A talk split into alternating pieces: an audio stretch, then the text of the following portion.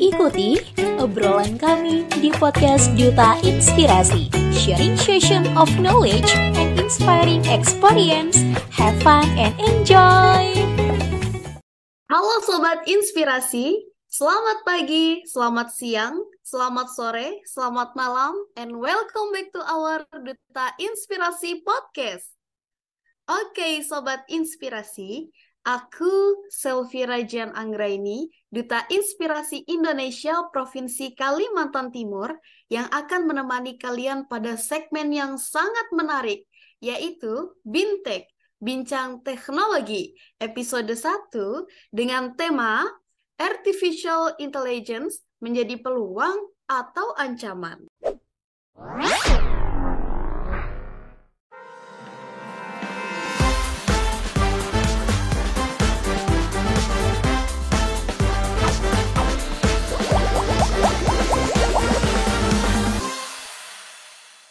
Oke, sobat inspirasi.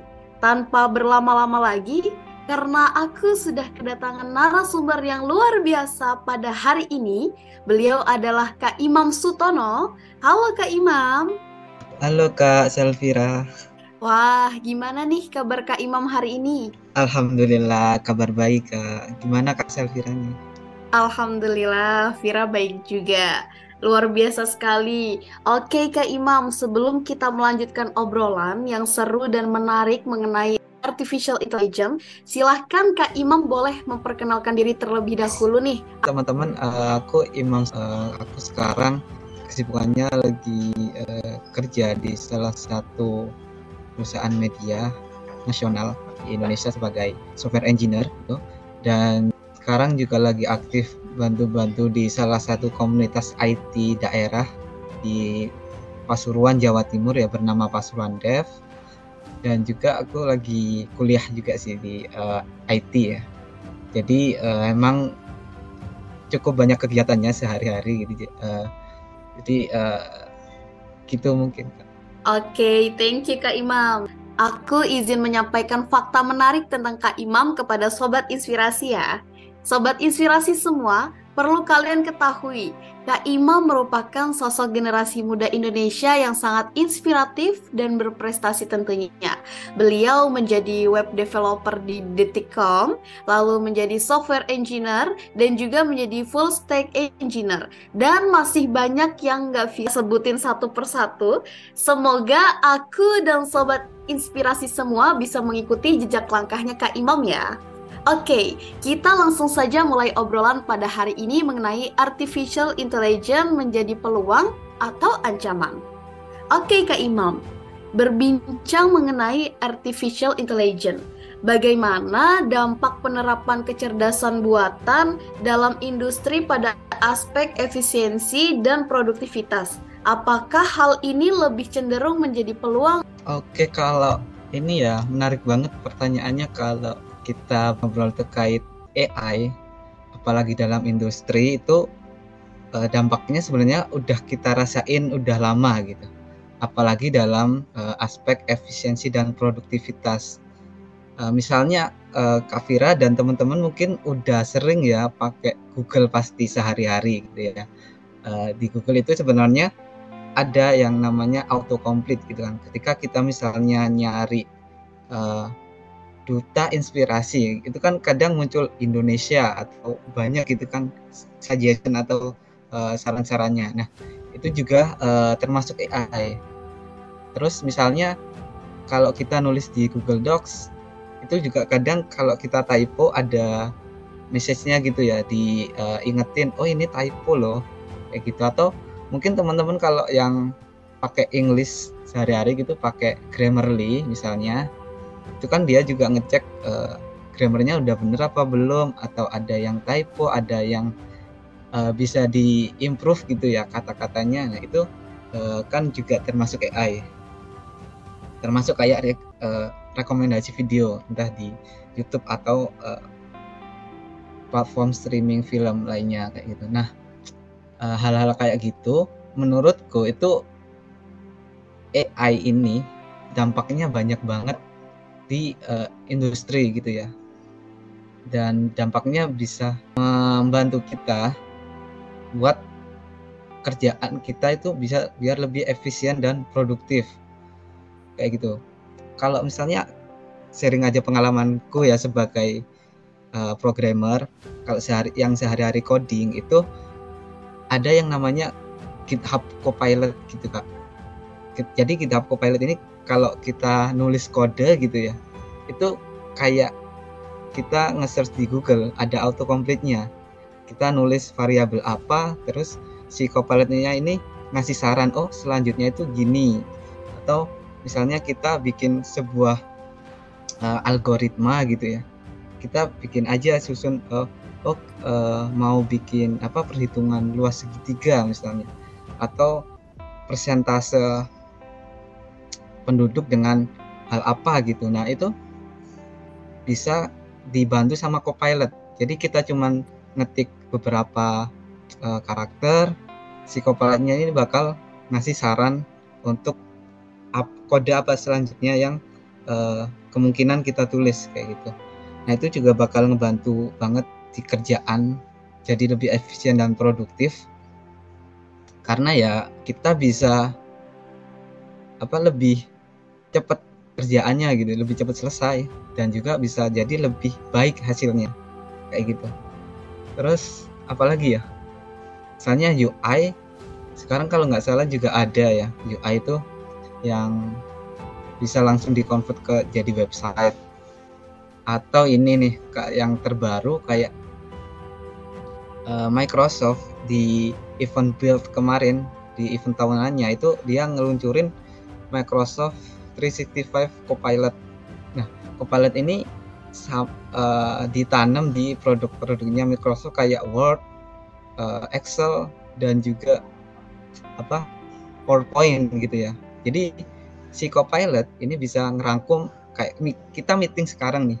Si Copilot ini bisa ngerangkumin apa aja yang uh, kita bicarakan selama meeting tadi kayak gitu. Terutama uh, pastinya di Teams ya karena produknya Microsoft. Terus kita juga bikin bisa bikin chart dari data di Excel otomatis dan uh, bahkan sampai dari Word jadi presentasi PowerPoint itu juga bisa gitu ya, sama si Copilot ini. Nah uh, dari beberapa contoh yang aku jabarin tadi tentunya masih banyak banget ya uh, yang ya lebih mungkin lebih powerful juga toolsnya jadi dari contoh-contoh tadi ya udah kelihatan kalau AI ini bisa mengotomatisasi tugas-tugas kita yang uh, rutin atau yang biasanya kita kerjakan manual bisa lebih cepat uh, bisa lebih efisien dan akurat dan apa hasilnya juga bisa lebih baik kayak gitu. Nah terus kalau ini apakah cenderung jadi peluang atau ancaman? Bisa keduanya. Peluangnya tadi ya bisa efisiensi, terus ancamannya juga karena ini bisa apa ngerjain kerjaan kita ya mungkin beberapa pekerjaan akan tergantikan sama AI gitu. pengangguran mungkin ya kan ada terus ketergantungan kita sama AI dan juga mungkin keama dari segi keamanan juga uh, ada ancaman di situ karena mungkin kayak kita pakai chat GPT terus nggak sengaja nge-share data sensitif ya itu bisa jadi tersebar gitu kan datanya. Wah, bener banget nih Kak. Vira dan Sobat Inspirasi sangat banyak menggunakan kemajuan dari AI. Contohnya aplikasi Google tadi yang sangat berdampak dalam kehidupan kita. Mm-hmm. Oke, pertanyaan selanjutnya nih Kak Imam. Apa pandangan kakak mengenai pergantian pekerjaan manusia oleh sistem AI dan otomatisasi? Apakah ini dapat dilihat sebagai peluang untuk mengalihkan fokus pekerjaan manusia atau sebagai ancaman terhadap lapangan kerja? Wah ini, ini sempat aku mention tadi ya, uh, mengenai kemungkinan penggantian pekerjaan manusia oleh AI itu sangat mungkin terjadi, bahkan udah terjadi gitu ya. Contohnya kayak IBM itu sekarang udah nyetop rekrutmen mereka yang uh, di posisi back office ya yang apa nggak berhubungan langsung dengan pelanggan dia nyetop sekitar 20 30% dari total karyawannya yaitu sekitar 7.800 karyawan yang uh, kata CEO-nya bakal digantikan oleh AI selama eh, lima uh, tahun ke depan. Terus kayak BT, BT itu kayak Telkomnya di Inggris gitu ya. Sekitar 40.000 sampai 55.000 kerjaan bakal digantikan oleh AI di tahun 2030.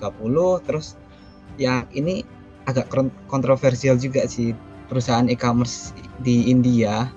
Ya agak uh, ngeri juga sih ini sampai 9 bahkan sampai 90% customer service-nya tuh diganti sama chatbot AI 90% wah ini sempet rame juga sih di dunia per AI-an sempat dihujat netizen juga karena ya CEO-nya secara terang-terangan kayak gitu kayak uh, mungkin kurang empati gitu ya mungkin netizen memandangnya.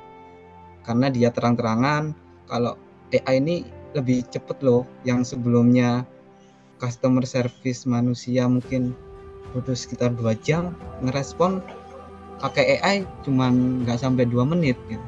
Bahkan juga ini bisa efisiensi kos perusahaan. Nah itu bukan mungkin lagi tapi udah terjadi kayak gitu.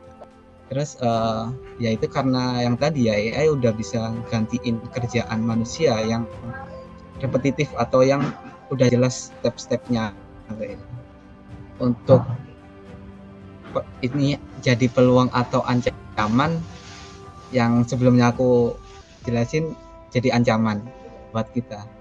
Tapi uh, ini juga bisa jadi peluang karena dari data tuh sekitar uh, 60% pekerjaan yang ada saat ini dulu di tahun sekitar 1940 itu nggak ada. Jadi perkembangan teknologi termasuk AI ini juga nggak cuman menghilangkan pekerjaan ya, tapi juga uh, menciptakan pekerjaan baru uh, sekitar 60% kayak gitu. Nah, uh, ya akhirnya sih pada akhirnya nggak tahu ya kita seberapa banyak yang bakal terganti dan seberapa banyak yang akan ada pekerjaan baru ya kita nggak tahu gitu tugas kita ya harus agresif skill terus biar nggak tergantikan oleh AI kayak gitu sih. Wah, ternyata udah banyak ya Kak perkembangan AI di dunia.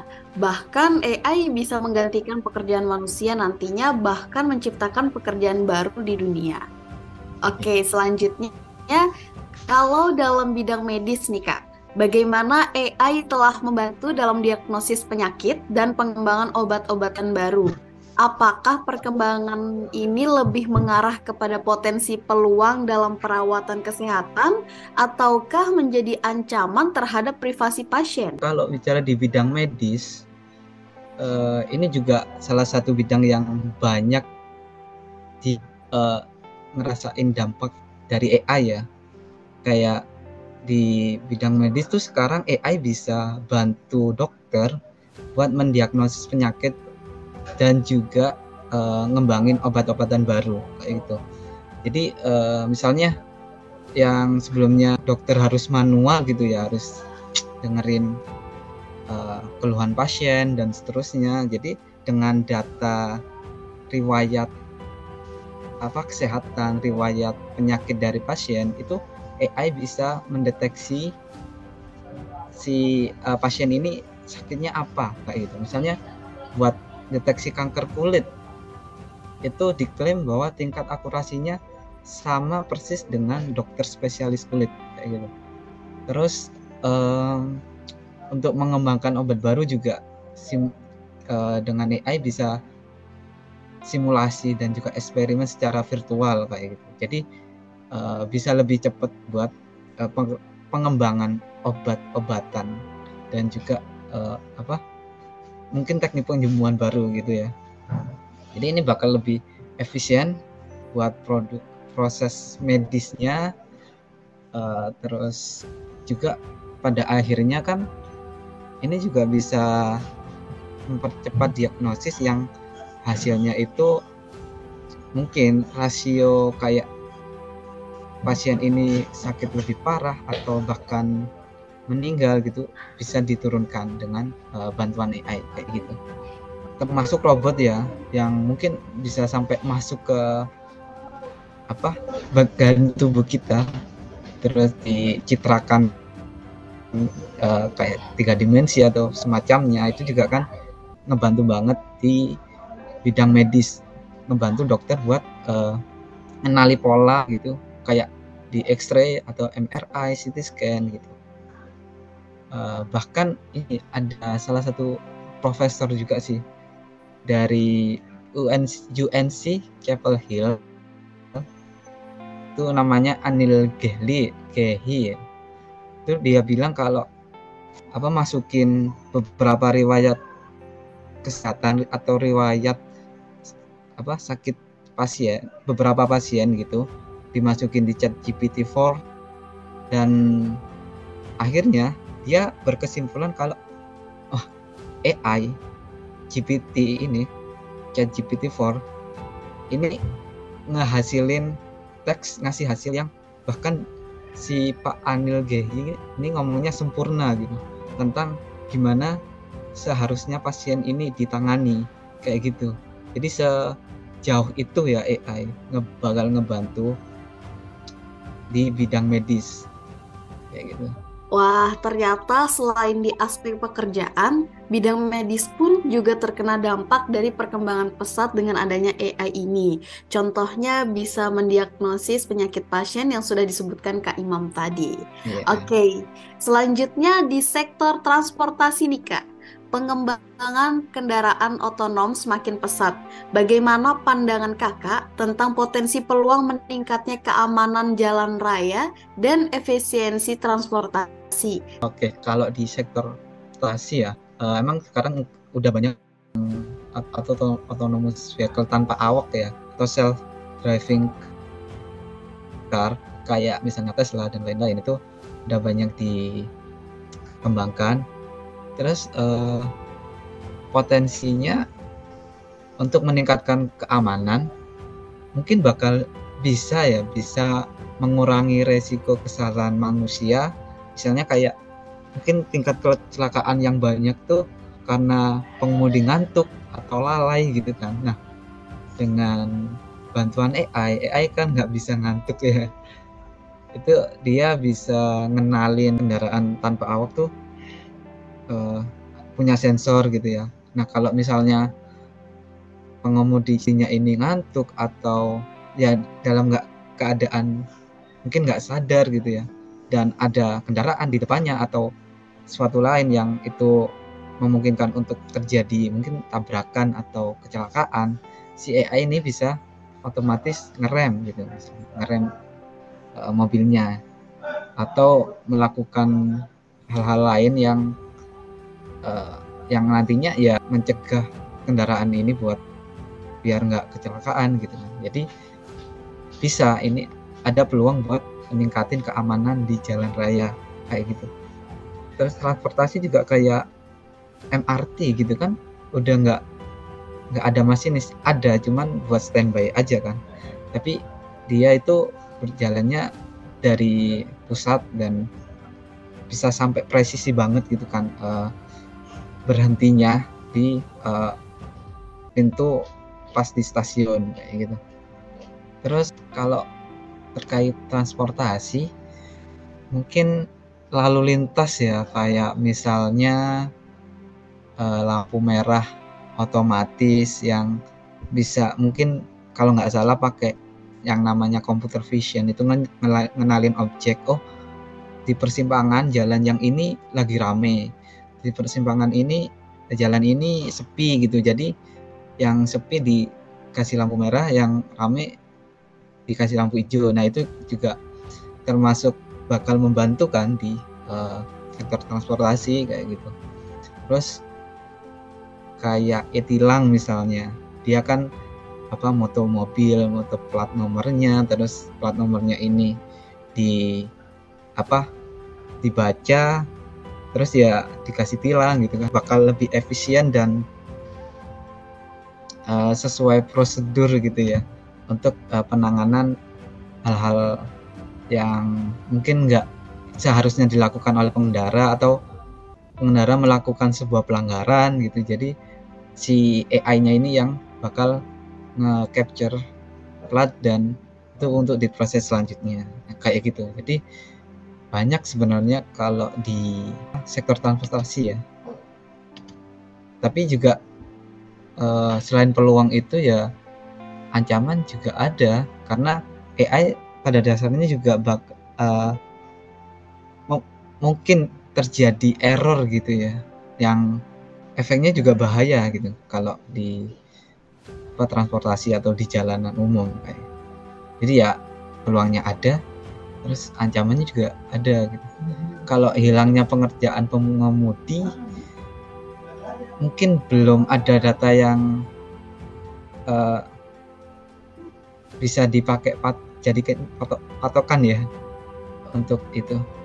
Jadi uh, belum bisa dikatakan sebagai uh, AI itu bakal ngancam pekerjaan pemudi itu belum bisa disimpulkan seperti itu. Wah, ternyata di bidang transportasi lebih canggih banget ya Kak dibanding bidang lainnya tapi tentunya semuanya memiliki dampak baik maupun negatifnya masing-masing. Selanjutnya, eh, dalam ranah keamanan cyber, AI digunakan untuk mendeteksi ancaman dan serangan cyber dengan lebih cepat. Namun, sejauh mana AI bisa menjadi senjata ganda digunakan oleh penjahat cyber untuk serangan yang lebih canggih Apakah potensi ini lebih mendukung pandangan AI sebagai peluang atau ancaman dalam keamanan cyber nih kak? Wah ini sensitif ya keamanan cyber ya. Jadi kalau uh, dalam keamanan cyber tetap pada dasarnya juga jadi peluang bisa jadi ancaman karena AI itu bisa mendeteksi ya kayak ancaman atau serak mungkin serangan cyber yang masuk ke sistem kita itu bisa dideteksi sama AI. Jadi kita udah biasanya dikasih ini sih mekanisme kayak notifikasi gitu ya. Misalnya ada anomali atau traffic masuk ke website atau sistem yang nggak nggak biasa nggak normal tiba-tiba naik drastis kayak gitu menyebabkan servernya down atau misalnya ada yang mencoba login tapi dengan apa interval waktu yang nggak masuk akal dia nyoba berkali-kali. Nah itu si uh, eh, AI bisa ngebantu kita buat memitigasi itu mendeteksi ya sebelum ancaman itu benar-benar masuk ke sistem kita kayak biasanya kasih notifikasi email misalnya ya oh oh ini ada apa traffic ke misalnya ke halaman ini atau ke endpoint kalau kalau istilahnya endpoint API endpoint ini atau ada yang nyoba login nih dengan email dan password yang beda-beda tapi secara terus-menerus gitu. Nah, itu kan nggak wajar. Itu AI-nya bisa ngasih notifikasi email ke kita sebagai apa? pengembang misalnya programmer atau yang terkait itu jadi terinformasi lebih awal dan kita bisa mengambil tindakan lebih cepat kayak itu sebelum uh, sistem kita benar-benar dimasuki eh, uh, oleh hacker atau orang-orang yang nggak bertanggung jawab gitu. Jadi bisa jadi uh, bisa buat kita untuk uh, bisa membantu kita untuk me mencegah itu mencegah serangan cyber ya. Terus untuk ancaman ya bisa juga karena AI kayak apa bisa belajar ya machine pelajari yang serangan kalau serangan ini gagal itu kayak gimana? Terus kalau misalnya kita nyoba dengan cara ini tapi gagal oh itu berarti ada yang harus diperbaiki misalnya dari algoritmanya malwarenya itu bisa dikembangkan gitu jadi lebih canggih dan deteksinya jadi lebih sulit juga oleh ke sistem keamanan dari target yang kita uh, serang kayak gitu. Dan juga kalau mungkin agak ngerinya juga uh, kan ada yang namanya deepfake.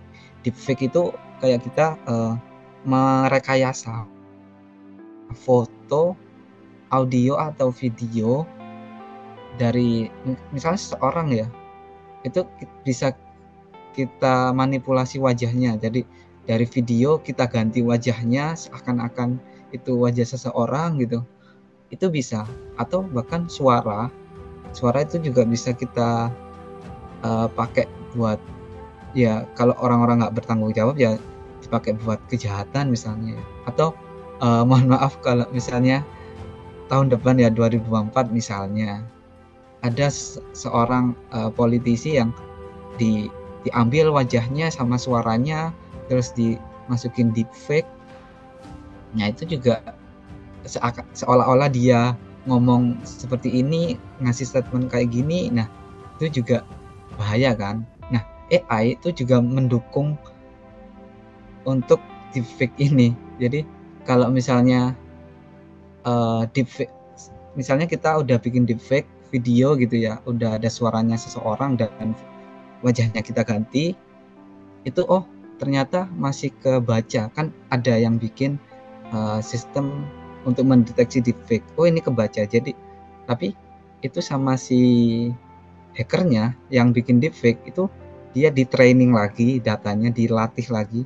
Oh kalau gini itu masih kedeteksi loh diperbaiki lagi sama AI-nya terus uh, udah diperbaiki masih kedeteksi diperbaiki lagi nah jadi lebih canggih gitu dan uh, kita mungkin secara kasat mata ya pasti susah buat uh, ngeba nge ngebedain mana yang asli mana yang hasil dari deepfake kayak gitu. Jadi ya emang bahaya sih bahaya banget ya kalau di sisi uh, cyber Wah, ternyata AI sangat canggih banget ya Kak, sampai bisa merekayasa manipulasi wajah, suara, audio seseorang. Ya dan tentunya bisa berdampak negatif buat pengguna media massa. Semoga oknum-oknum tertentu bisa menggunakan AI dengan baik. Hmm, okay. Makanya ya, kita juga harus hati-hati kalau apa upload sesuatu gitu. Iya, bener banget Kak, karena takutnya disalahgunakan yeah. oleh oknum. Oke, selanjutnya bagaimana kakak melihat adanya AI saat ini khususnya di Indonesia nih? Secara poin, apakah AI akan mendominasi menjadi peluang di berbagai aspek atau menjadi ancaman di masa depan khususnya di Indonesia? Nah, kalau uh, eh, AI di Indonesia ya sebenarnya udah banyak, cukup banyak perusahaan yang uh, pakai AI ini buat uh, bisnis mereka kayak misalnya dari beberapa tahun yang lalu juga ada perusahaan yang bikin chatbot gitu yang mereka emang fokus di AI bikin chatbot dan itu udah dipakai di uh, banyak perusahaan lain kayak gitu. Terus uh, kayak kalau misalnya yang gampang sih kita kalau pakai e-commerce ya. Itu kan kita misalnya cari barang apa? Tas gitu. Tas atau sepatu. Nah sepatu gunung misalnya. Itu kan kalau kita nyari kadang oh udahlah kita kita close aplikasinya lagi. Terus begitu kita buka lagi itu kan muncul rekomendasi ya dari apa yang kita uh, search sebelumnya. Itu nah kayak gitu itu juga termasuk AI jadi mempersonalisasi uh, produk kita dikasih rekomendasi produk up berdasarkan uh, yang kita cari dengan asumsi yang sebelumnya kita cari itu uh, adalah barang-barang yang kita butuhkan atau kita sukai gitu. Jadi uh, itu bakal ningkatin penjualan misalnya di e-commerce tuh kayaknya pasti ada ya kayak rekomendasi produk atau rekomendasi uh, video tadi misalnya kayak di YouTube gitu. Terus di sektor lain kayak uh, misalnya pendidikan gitu ya. Sekarang beberapa platform pendidikan juga nanamin AI di sistem mereka kayak gitu. Misalnya dipakai buat mempersonalisasi kurikulum. Jadi uh, si anak ini sukanya apa sih belajarnya apa gitu ya atau misalnya si anak ini uh, sekarang lagi di sekolahnya belajar terkait materi A. Terus begitu dia belajar di platform itu di aplikasi itu oh ternyata dia kesulitan di bagian B gitu. Jadi si AI ini bisa ngebaca itu bisa merekomendasikan kita oh kamu kesulitan di bagian ini loh. Tadi kamu jawabnya salah gitu. Nah kamu harus belajar ini dulu gitu.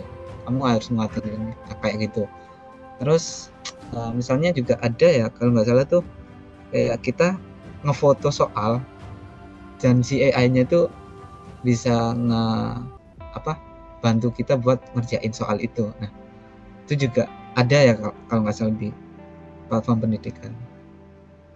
Terus banyak sih sebenarnya kayak keuangan retail telekomunikasi apa kayak perbankan gitu ya itu juga udah banyak yang uh, pakai AI di Indonesia. Terus apakah AI itu bakal jadi peluang? Iya bisa jadi di berbagai aspek atau jadi ancaman. Bisa jadi peluang karena yang tadi ya eh, AI itu pada dasarnya kita tanam di sistem kita atau di platform kita dan itu bakal ngebantu banyak banget. Dari sisi bisnis atau dari sisi customer kita kayak gitu. Terus uh, juga selain itu ada juga kalau sekarang tuh yang ngembangin namanya LLM ya large language model. Itu dia benar-benar apa nyediain model khusus bahasa Indonesia. Kalau kita, pakai misalnya ChatGPT gitu kan uh, banyak ya bahasanya ya. Nah ad, uh, kalau nggak salah tuh sekarang ada yang udah bikin LLM LLM itu ya uh, yang apa ya model model AI yang uh, dia bakal bisa ngehasilin teks atau yang lain uh, sesuai dengan yang kita uh, tanya misalnya kita tanya apa si LLM-nya ini bakal menghasilin jawaban apa. Nah itu sekarang udah ada yang ngembangin khusus bahasa Indonesia. Dan itu mungkin bisa teman-teman coba juga gitu. Untuk yang nggak tahu nanti bisa bikin apa misalnya chatbot atau misalnya sistem rekomendasi terus semacamnya kayak gitu. Terus banyak sih yang bisa digali uh, lagi kayak gitu dari LLM ini. Atau uh, untuk ancaman bisa jadi ancaman juga sih. Karena kalau misalnya kita sekarang mungkin ya kayak aku juga ketergantungan sama ChatGPT gitu ya. Mungkin sering banget pakai ChatGPT. Tapi uh, pada dasarnya kan AI itu sebuah model bahasa bukan model uh, knowledge bukan model pengetahuan. Jadi uh, sebenarnya AI itu nggak tahu mereka ngomong apa mereka nulis apa itu nggak tahu.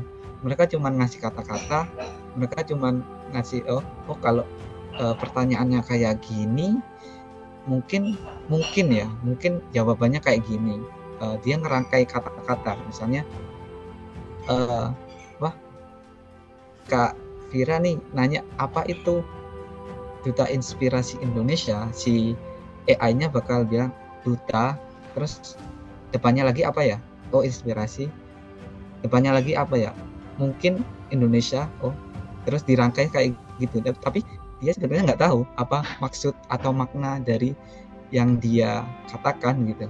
Jadi uh, karena mungkin ketergantungan dan kita ketergantungannya sama sistem yang nggak tahu dia ngomong bener apa salah nulis apa maknanya yang dia tulis gitu.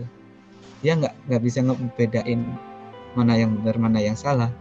Kalau kita ketergantungan sama sistem yang seperti itu ya bahaya gitu kan.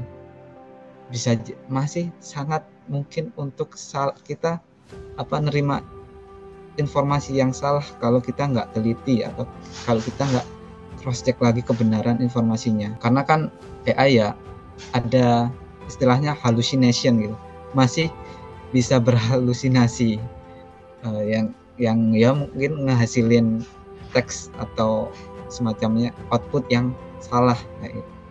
makanya kayak uh, sebenarnya literasi digital ya terutama kayak terkait AI ini harus dibanyakin sih sebenarnya di Indonesia. Makanya kayak senang banget nih uh, duta inspirasi ngebahas AI yang uh, mungkin sekarang anak-anak muda atau orang-orang udah banyak pakai tapi mungkin pemakaiannya kurang tepat atau serta merta ya udah AI-nya bilang gitu ya udah gitu. Tanpa ngecek ya itu nggak bisa kita nggak bisa kayak gitu sebenarnya. Semoga ya dari sini banyak yang tercerahkan ya uh, bener banget nih kak semoga uh, walaupun banyaknya dampak negatif dari AI, tapi AI juga memiliki banyak dampak positif. Contohnya seperti yang sudah disebutkan oleh Kak Imam tadi dari seluruh aspek kehidupan kita. Oke, baik itu tadi adalah jawaban penutup nih Sobat Inspirasi dari pembahasan menarik bersama dengan Kak Imam. Gimana nih? Pasti pembahasan kita pada malam hari ini sangat bermanfaat kan? Kalau menurut Vira pribadi, ini luar biasa bermanfaat banget. Semoga Vira dan Sobat Inspirasi semua dapat menjadikan pembahasan ini sebagai motivasi dan semangat dalam melakukan berbagai hal positif lainnya. Oke, sobat inspirasi semua, tidak terasa kita ternyata sudah banyak nih mendengarkan sharing-sharing yang sangat menarik dari Kak Imam. Akhirnya, kita sampai di penghujung podcast Bintek episode 1 nih. Oke Kak Imam, karena kita sudah di penghujung, boleh dong kakak memberikan closing statement atau pesan-pesan inspiratif bagi para pendengar setiap podcast Duta Inspirasi Podcast. Oh, udah di penghujung ya. Jadi untuk closing statement mungkin uh, terkait AI ini kita nggak bisa menolak atau menghentikan perkembangan AI ini karena ya ini udah terlanjur tersebar di mana-mana kayak pandemi gitu. Nah, sekarang yang bisa kita lakukan adalah ya bisa memanfaatin bisa memanfaatkan AI dan terus upgrade skill kayak di online course misalnya Udemy, Coursera, DataCamp atau yang lainnya ya uh, dan pada akhirnya pilihannya cuma ada dua kita mau terbantu atau tergantikan oleh AI. Oke, terima kasih banyak ya Kak Imam atas pesan inspiratifnya sangat luar biasa sekali. Nah, terakhir lagi nih Kak, boleh dong Kak Imam berbagi username sosial media kakak. Siapa tahu Sobat Inspirasi semua masih pingin nih tanya-tanya lebih dalam ke kakak terkait berbagai hal. Oke, kalau sosial media mungkin di Instagram boleh follow at imam.sutono gitu. Atau di Twitter juga ada imam sutono underscore gitu. Teman-teman boleh kalau uh, mau sharing atau uh, diskusi juga silahkan aku open banget kalau teman-teman mau apa diskusi mau ngobrol. Nah itu ya sosial media Kak Imam yang bisa kalian hubungi. Oke Kak Imam, Once again, thank you so much sudah mau berbincang seru menemani Sobat Inspirasi dalam segmen Bintek episode 1 kali ini dengan tema Artificial Intelligence menjadi peluang atau ancaman. Untuk sobat inspirasi di seluruh belahan dunia, serta semua pendengar setiap podcast Duta Inspirasi, jangan lupa untuk dengarkan selalu podcast dari Duta Inspirasi Podcast, karena kami akan menyajikan podcast dengan tema, segmen, episode, dan narasumber-narasumber yang luar biasa. Aku Selfira Jen Anggraini, pamit undur diri dan sampai jumpa. Duta Inspirasi Podcast bergerak terinspirasi, berdampak menginspirasi.